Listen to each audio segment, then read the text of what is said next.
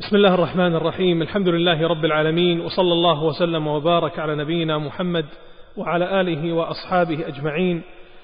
اللهم علمنا ما ينفعنا وارزقنا العمل بما علمتنا. اللهم يا معلم إبراهيم علمنا ويا مفهم سليمان فهمنا. ثم أما بعد فإنه لا خلاف بين المسلمين قاطبة على وجوب محبة وتولي آل بيت النبي صلى الله عليه وعلى آله وسلم. وعلى وجوب محبة وتولي صحابة النبي صلى الله عليه وعلى آله وسلم رضي الله تعالى عنهم وأرضاهم. فإن هذا الأمر يعد من الأصول المتفق عليها بين جميع المسلمين. وكذلك يجب على كل مسلم ومسلمة أن يكون سليم الصدر تجاه جميع المسلمين. يقول الله تبارك وتعالى في وصف المؤمنين بعد أن ذكر سبحانه وتعالى في سورة الحشر وصف المهاجرين ثم أتبعه بوصف الأنصار وصف الله سبحانه وتعالى حال المؤمنين الصادقين الذين جاءوا من بعدهم يقول الله سبحانه وتعالى والذين جاءوا من بعدهم يقولون ربنا ربنا اغفر لنا ولإخواننا الذين سبقونا بالإيمان ولا تجعل في قلوبنا غلا للذين آمنوا ربنا إنك رؤوف رحيم. كذلك من الأمور التي يجب على كل مسلم أو تجب على كل مسلم ومسلمة أن يكون المسلم عفيف اللسان. يقول صلى الله عليه وسلم في الحديث الصحيح المسلم من سلم المسلمون من لسانه ويده.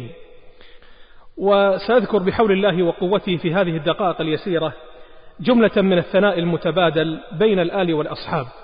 وقبل أن أذكر هذه الكلمات الجميلة العطرة المتبادلة بين الآل والأصحاب آه، أريد فقط أن أنوه وهذا من باب الاعتراف بالفضل لأهل الفضل فأن ما سأنقله في آه، هذه الكلمات آه، مقتبس ومأخوذ من الرسالة النافعة الموسومة بالثناء المتبادل بين الآل والأصحاب إعداد مركز الدراسات والبحوث في مبرة الآل والأصحاب أسأل الله سبحانه وتعالى أن يوفقهم لما يحبه ويرضاه وأن يجعلنا وإياهم مفاتيح للخير مغارق للشر.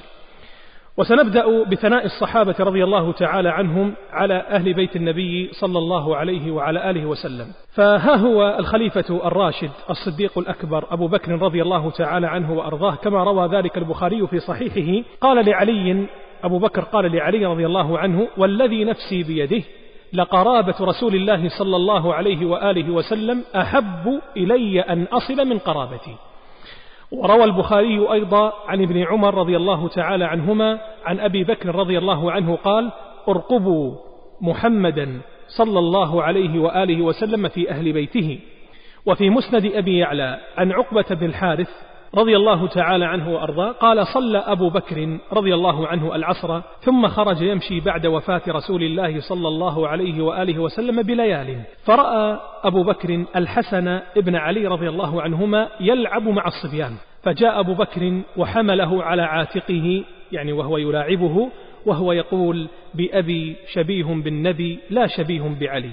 وعلي رضي الله تعالى عنه وأرضاه يسمع كلام أبي بكر ويضحك رضي الله تعالى عن الجميع. وهذا كما ذكرت آه، أخرجه أبو يعلى في مسنده وقال محققه إسناده صحيح.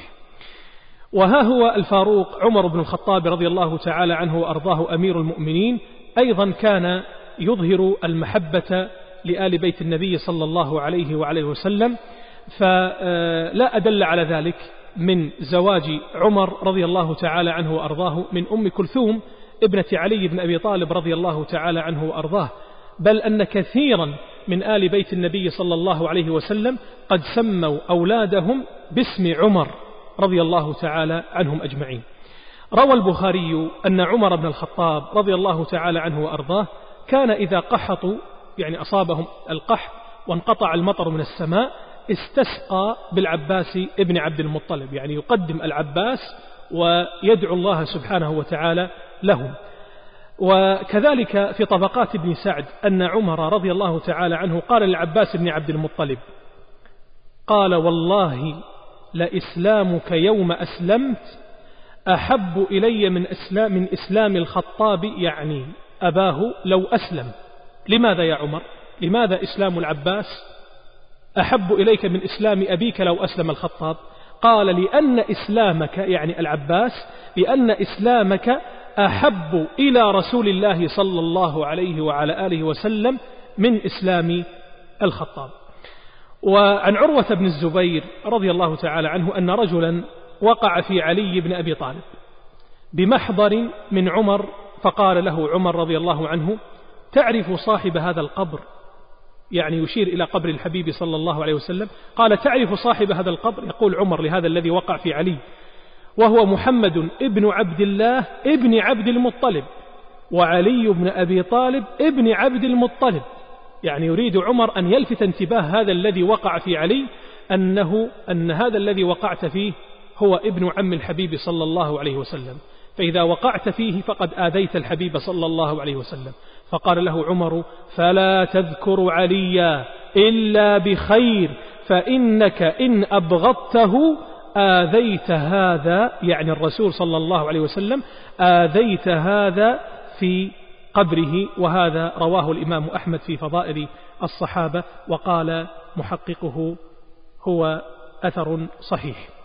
وها هو عثمان ذو النورين أمير المؤمنين رضي الله تعالى عنه وأرضاه. أيضا نقلت عنه كلمات كثيرة لتبين ثناءه وحبه لآل بيت الحبيب صلى الله عليه وسلم. ذكر ابن كثير رضي الله رحمه الله في البداية والنهاية قال كان العباس ابن عبد المطلب عم النبي صلى الله عليه وسلم قال كان العباس إذا مر راكبا بعمر أو عثمان وهما راكبان نزلا حتى يجاوزهما إجلالا لعم رسول الله صلى الله عليه وعلى آله وسلم. وكذلك قال ابن كثير رحمه الله كان عثمان بن عفان رضي الله عنه يكرم الحسن والحسين رضي الله عنهما ويحبهما وقد كان الحسن ابن علي رضي الله عنهما يوم الدار اليوم الذي قتل فيه عثمان رضي الله عنه شهيدا سعيدا. قال وقد كان الحسن بن علي يوم الدار وعثمان رضي الله عنه محصور أي قد حوصر من قبل هؤلاء الخوارج الفجرة عنده كان الحسن عند عثمان ومعه السيف متقلدا به يجاحف أن يقاتل دفاعا عن عثمان فخشي عثمان رضي الله عنه عليه فأقسم عليه ليرجعن إلى منزلهم تطييبا لقلب علي رضي الله تعالى عنه وأرضاه وخوفا على الحسن ابن علي رضي الله تعالى عنهم أجمعين. وها هي أم المؤمنين؟ عائشة رضي الله تعالى عنها وأرضاها. الصديقة بنت الصديق رضي الله تعالى عنها وعن أبيها. ذكر الطبري في تاريخه أنها قالت إنه والله ما كان بيني وبين علي رضي الله تعالى عنه في القديم إلا ما يكون بين المرأة وأحمائها. يعني هذا أمر خلاف. يقع بين كل مر... كل آه، أو أو يقع بين غالب النساء بين المرأة وبين الحمو. وإنه عندي على معتبة يعني على عتاب. والعتاب كما هو معلوم لا يكون إلا بين الأحبة. وإنه عندي على معتبة من الأخيار. وقال علي يا أيها الناس عندما سمع علي كلامها قال علي يا أيها الناس صدقت والله وبرت. ما كان بيني وبينها إلا ذلك يعني العتاب وشيء من الخلاف في وجهات النظر. وإنها لزوجة نبيكم صلى الله عليه وآله وسلم في الدنيا وفي الآخرة. وهذا رواه أو ذكره الطبري في تاريخه الجزء الرابع صفحة 544 وفي الاستيعاب لابن عبد البر الأندلسي أيضا عنها رضي الله تعالى عنها عن عائشة أنها قالت من أفتاكم بصوم عاشوراء؟ قالت من أفتاكم بصوم عاشوراء؟ قالوا علي. قالت أما إنه لأعلم الناس بالسنة. وهذا ثناء واضح منها رضي الله تعالى عنها وأرضاها على علي بن أبي طالب وعلى آل بيت النبي صلى الله عليه وسلم. وروى أبو داود في سننه وصححه الشيخ ناصر رحمه الله أن أم المؤمنين رضي الله تعالى عنها عائشة قالت ما رأيت أشبه سمتا ولا دلا يعني حسن في الهيئة وحسن في الحديث قالت ما رأيت أشبه سمتا ولا دلا وهديا برسول الله صلى الله عليه وعلى آله وسلم في قيامها وقعودها من فاطمة بنت رسول الله صلى الله عليه وسلم. وهذا أيضا فيه ثناء من عائشة رضي الله تعالى عنها على فاطمة رضي الله تعالى عنها وأرضاها. وفي مستدرك الحاكم عن عائشة رضي الله تعالى عنها أنها قالت ما رأيت أحدا كان أصدق لهجة منها يعني من فاطمة رضي الله تعالى عنها وأرضاها قالت إلا أن يكون الذي ولدها. يعني رسول الله صلى الله عليه وسلم وقال صحيح قال الحاكم صحيح على شرط مسلم ووافقه الذهبي. وفي بحار الأنوار المجلسي قال لما بلغ عائشة قتل علي رضي الله تعالى عنه وأرضاه للخوارج قالت رضي الله عنها سمعت رسول الله صلى الله عليه وآله وسلم يقول اللهم إنهم شرار أمتي يقتلهم خيار أمتي وما كان بيني وبينه يعني بين عائشة وبين علي وما كان بيني وبينه إلا ما يكون بين المرأة وأحمائها. وهذا ذكره المجلسي في البحار الجزء 33 صفحة 232 وكذلك ذكر في كشف الغمة الجزء الأول صفحة 58 و100 وأيضا آه، قالت عائشة رضي الله تعالى عنها لفاطمة رضي الله تعالى عنها قالت ألا أبشرك أني سمعت رسول الله صلى الله عليه وسلم يقول سيدات نساء أهل الجنة أربع مريم بنت عمران وفاطمة بنت رسول الله صلى الله عليه وسلم وخديجة بنت خويلد وآسية امرأة فرعون وهذا أيضا ذكره الحاكم في مستدركه وصحح إسناده على شرط الشيخين ووافقه الذهبي رحمة الله عليهم أجمعين.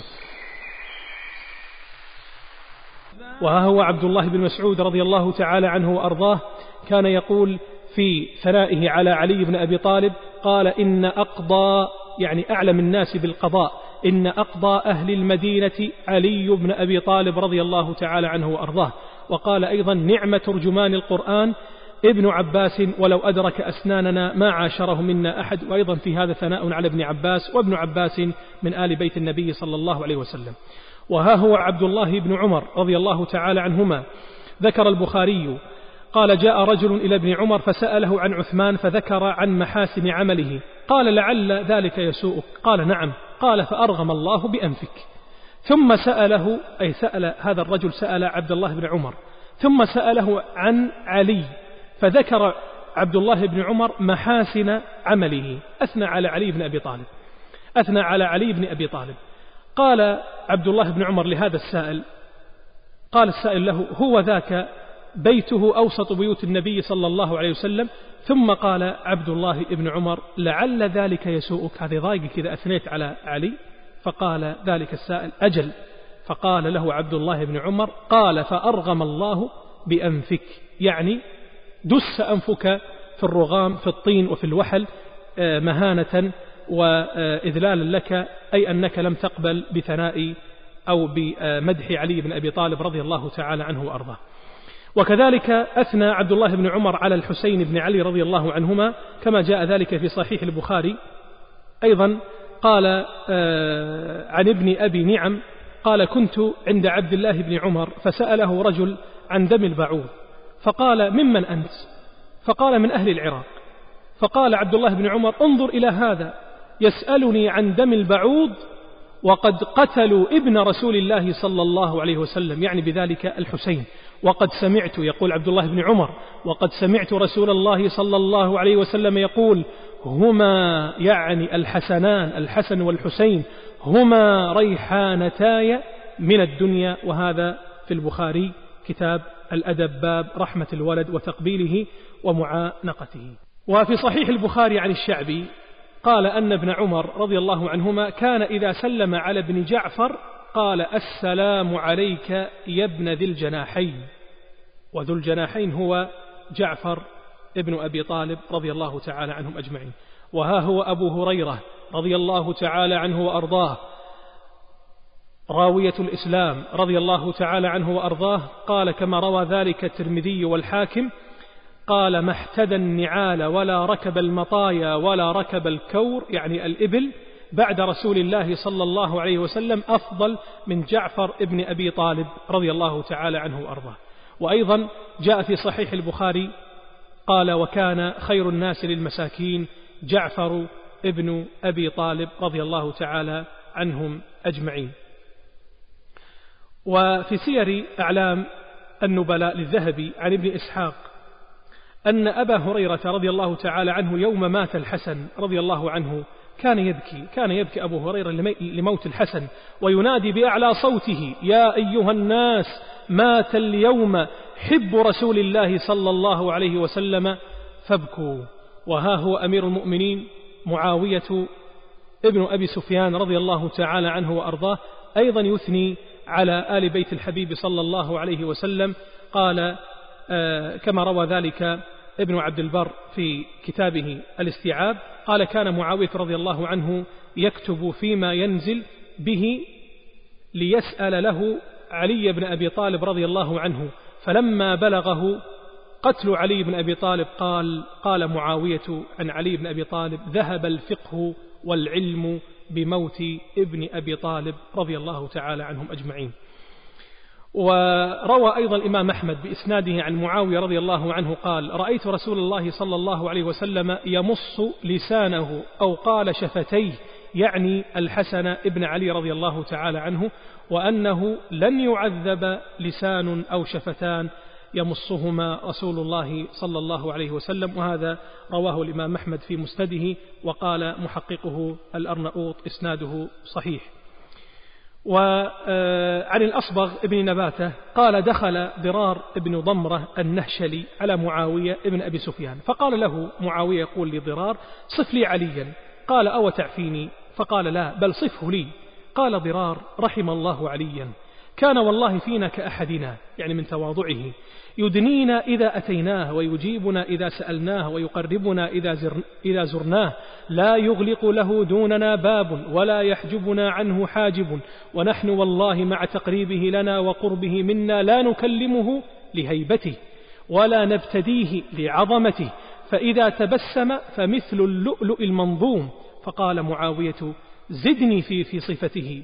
فقال ضرار رحم الله عليا كان والله طويل السهاد قليل الرقاد يتلو كتاب الله آناء الليل وأطراف النهار. قال فبكى معاوية رضي الله عنه وقال حسبك يا ضرار كذلك والله كان علي رحم الله أبا الحسن. وهذا أيضا ذكره المجلسي في بحار الأنوار. وفي سير أعلام النبلاء للذهب أن يزيد بن معاوية فاخر الحسن ابن علي. فقال له أبوه يعني قال معاوية ليزيد لابنه يزيد أفاخرت الحسن؟ قال نعم. قال لعلك تظن أن أمك مثل أمه أو جدك كجده. وهذا فيه إنكار من معاوية رضي الله عنه على ابنه كيف يتجرأ. ويفاخر الحسن بن علي رضي الله تعالى عن الجميع. وسأنتقل الآن أحبابي في الله وسأقتطف بعض الكلمات أيضا من الرسالة التي أشرت إليها آنفا وهي الثناء المتبادل بين الآل والأصحاب. آه، سأنقل بعض الثناء من آل بيت النبي صلى الله عليه وسلم على صحابة الحبيب صلى الله عليه وعلى آله وسلم وأبدأ بإمام أهل بيت النبي صلى الله عليه وسلم وبأفضلهم ومقدمهم وهو أبو الحسن علي بن أبي طالب أمير المؤمنين رضي الله تعالى عنه وأرضاه. فكان علي رضي الله تعالى عنه وأرضاه يصف أصحاب رسول الله صلى الله عليه وسلم قائلا لقد رأيت أصحاب محمد صلى الله عليه وعلى آله وسلم فما أرى احدا يشبههم منكم لقد كانوا يصبحون شعثا غبرا وقد باتوا سجدا وقياما يراوحون بين جباههم ويقفون على مثل الجمر من ذكر معادهم كأن بين أعينهم ركب المعزى من طول سجودهم إذا ذكر الله هملت أعينهم حتى تبل جيوبهم ومادوا كما يميد الشجر يوم الريح العاصف خوفا من العقاب ورجاء للثواب. وروى أو روي عن محمد بن الحنفية قال بلغ علي رضي الله عنه أن عائشة تلعن قتلة عثمان في المربد فرفع علي يديه حتى بلغ بهما وجهه فقال وأنا ألعن قتلة عثمان في السهل والجبل قالها مرتين أو ثلاثة وهذا أيضا في فضائل الصحابة للإمام أحمد رحمه الله وقال محققه إسناده صحيح.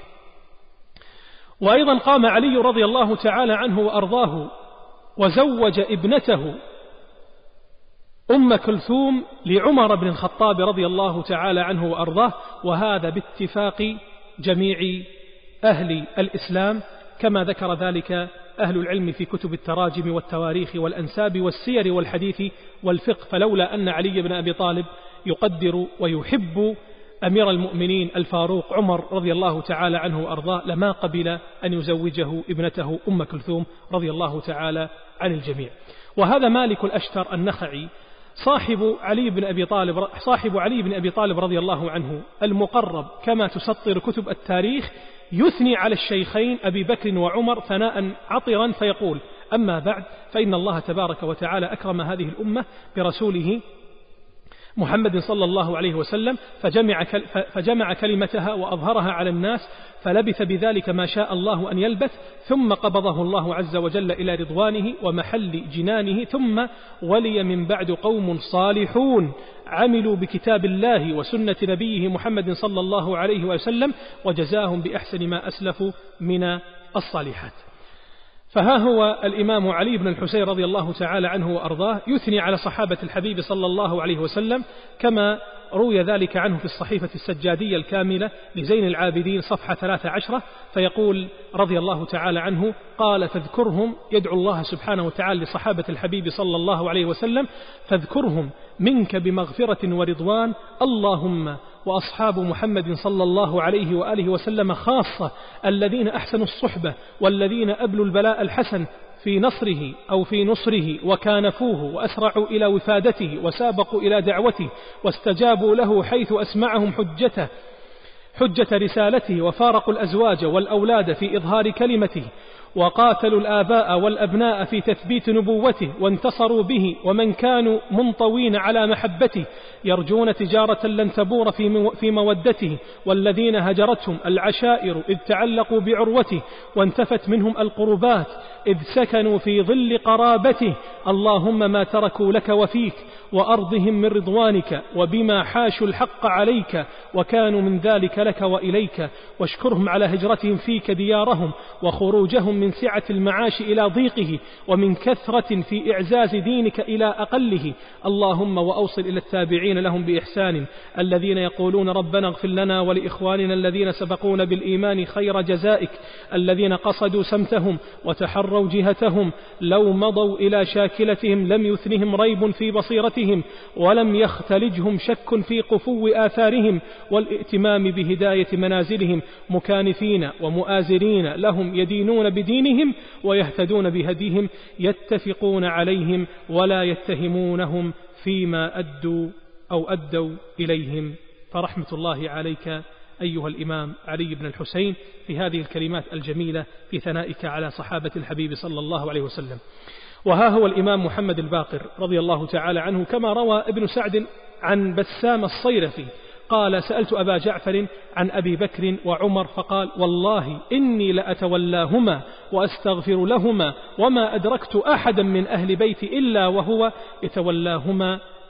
وكان أيضا يقول أي الإمام محمد الباقر أجمع بنو فاطمة على أن يقولوا في أبي بكر وعمر أحسن ما يقول أحسن ما يكون في القول.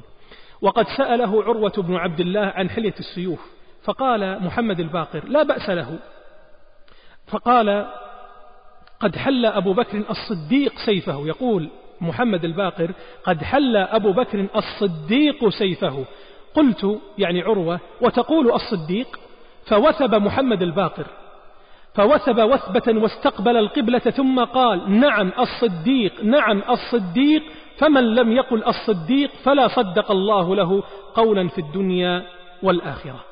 إلى غير ذلك من ثنائه رضي الله تعالى عنه على أصحاب النبي صلى الله عليه وسلم. وها هو الإمام زيد بن علي زيد بن علي بن الحسين رضي الله تعالى عنه. فقد روى هاشم بن البريد عنه أنه قال كان أبو بكر رضي الله عنه إمام الشاكرين ثم تلا وسيجزي الله الشاكرين. ثم قال أي زيد بن علي رضي الله عنه قال البراءة من أبي بكر هي البراءة من علي. وكان يقول عن الشيخين أبي بكر وعمر رضي الله عنهما ما سمعت أحدا من أهل بيتي يذكرهما إلا بخير.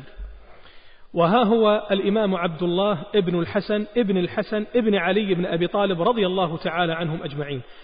فقد روى الحافظ بن عساكر عن أبي خالد الأحمر قال سألت عبد الله بن الحسن عن أبي بكر وعمر فقال صلى الله عليهما ولا صلى على من لم يصل عليهما. وقال أيضا إنهما ليعرضان على قلبي. يعني, أبي يعني أبا بكر وعمر فأدعو لهما فأدعو الله لهما أتقرب به إلى الله عز وجل. وها هو الإمام جعفر الصادق رضي الله تعالى عنه وأرضاه. أيضا يثني على آل يثني على صحابة النبي صلى الله عليه وسلم فقال كان أصحاب رسول الله صلى الله عليه وسلم اثني عشر ألفا. ثمانية آلاف من, المدي... ثمانية آلاف من المدينة وألفان من مكة وألفان من الطلقاء.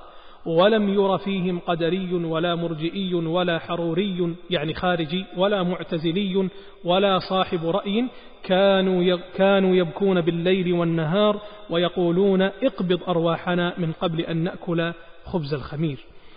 وقد سأل منصور بن حازم الإمام جعفر الصادق رضي الله عنه يوما عن أصحاب رسول الله صلى الله عليه وسلم فقال ما, ما بالي أسألك عن المسألة فتجيبني أو فتجيبني فيها بالجواب ثم يجيئك غيري فتجيبه فيها بجواب آخر فقال إنا نجيب الناس على الزيادة والنقصان قال والقائل هو منصور بن حازم قال فأخبرني عن أصحاب رسول الله صلى الله عليه وآله وسلم صدقوا على محمد أم كذبوا؟ قال جعفر الصادق. بل صدقوا. قال قلت فما بالهم اختلفوا؟ قال أما تعلم أن الرجل كان يأتي رسول الله صلى الله عليه وآله وسلم فيسأله عن المسألة فيجيبه فيها بالجواب ثم, يج ثم يجيبه بعد ذلك ما ينسخ ذلك الجواب فنسخت الأحاديث بعضها أو بعضها بعضا. وهذه شهادة واضحة. من الإمام جعفر الصادق لصحابة الحبيب صلى الله عليه وسلم بأنهم صادقون مصدقون رضي الله تعالى عنهم أجمعين. وعن بسام الصيرفي قال سألت جعفرا عن أبي بكر وعمر فقال والله إني لأتولاهما وأستغفر لهما وما أدركت أحدا من أهل بيتي إلا ويتولاهما. وها هو الإمام موسى الكاظم رضي الله تعالى عنه أيضا قال وهو يحفظ وصية الحبيب صلى الله عليه وسلم في أصحابه وهو يقول أنا أمنة لأصحابي فإذا قبضت دنا من أصحاب ما يوعدون وأصحابي أمنة لأمتي فإذا قبض أصحابي دنا من أمتي ما يوعدون. ولا يزال هذا الدين ظاهرا على الأديان كلها ما دام فيكم من قد رآني. وكذلك قال موسى الكاظم الإمام موسى الكاظم رضي الله تعالى عنه آه، وهو يروي عن رسول الله صلى الله عليه وسلم أنه قال القرون أربع أنا أفضلها قرنا ثم الثاني ثم الثالث فإذا كان الرابع التقى الرجال بالرجال والنساء بالنساء فقبض الله كتابه من صدور بني آدم فيبعث الله ريحا سوداء ثم لا يبقى أحد سوى الله تعالى إلا قبضه الله إليه وهذا ذكره المجلسي في بحار الأنوار. وها هو الإمام موسى الكاظم رضي الله تعالى عنه وأرضاه يروي عن جده رسول الله صلى الله عليه وسلم أنه قال القرون أربع أنا في أفضلها قرنا ثم الثاني ثم الثالث فإذا كان الرابع التقى الرجال بالرجال والنساء بالنساء فقبض الله كتابه من صدور بني آدم فيبعث الله ريحا سوداء ثم لا يبقى أحد سوى الله تعالى إلا قبضه الله إليه. وهذا ذكره المجلسي في بحار الأنوار. وها هو الإمام علي الرضا رضي الله تعالى عنه وأرضاه وهو يثني على صحابة النبي صلى الله عليه وسلم فيقول لما بعث الله تعالى موسى بن عمران واصطفاه نجيا وفلق له البحر ونجى بني إسرائيل وأعطاه التوراة والألواح رأى مكانه من ربه تعالى فقال موسى يا رب فإن كان آل محمد كذلك فهل في أصحاب الأنبياء أكرم عندك من صحابتي؟ قال الله تعالى يا موسى أما علمت أن فضل صحابة محمد على جميع صحابة المرسلين كفضل آل محمد على جميع آل النبيين وكفضل محمد على جميع النبيين. فقال موسى يا ربي ليتني كنت أراهم فأوحى الله إليه يا موسى إنك لن تراهم فليس هذا أوان ظهورهم ولكن سوف تراهم في الجنات جنات عدن والفردوس بحضرة محمد في نعيمها يتقلبون وفي خيراتها يتبحبحون. وهذا أيضا ذكره المجلسي في بحار الأنوار جزء ثلاثة جزء الثالث عشر صفحة 340 وها هو الإمام الحسن بن محمد العسكري رضي الله تعالى عنه وأرضاه. أيضا نقل عنه كلاما يشبه كلام الإمام الرضا في ثنائه على صحابة الحبيب صلى الله عليه وآله وسلم. وبعد هذا كله أيها الأحباب الكرام فعلينا أن نحفظ لأهل بيت النبي صلى الله عليه وسلم فضلهم وكذلك علينا أن نحفظ لصحابة النبي صلى الله عليه وسلم فضلهم فنشهد الله تبارك وتعالى على حبهم وعلى توليهم وعلى الدفاع عنهم في الدنيا ونسأل الله سبحانه وتعالى أن يميتنا على ذلك ونسأله جل في علاه أن يحشرنا معهم سرمدية أبدية مع الحبيب صلى الله عليه وسلم في الفردوس الأعلى. إن الله سبحانه وتعالى ولي ذلك والقادر عليه. ختاما أسأل الله سبحانه وتعالى أن يشرح صدورنا لما يحبه ويرضاه وأن يختم لنا ولكم بالحسنى إنه ولي ذلك والقادر عليه. هذا والله أعلى وأعلم وصلى الله وسلم وبارك على نبينا محمد.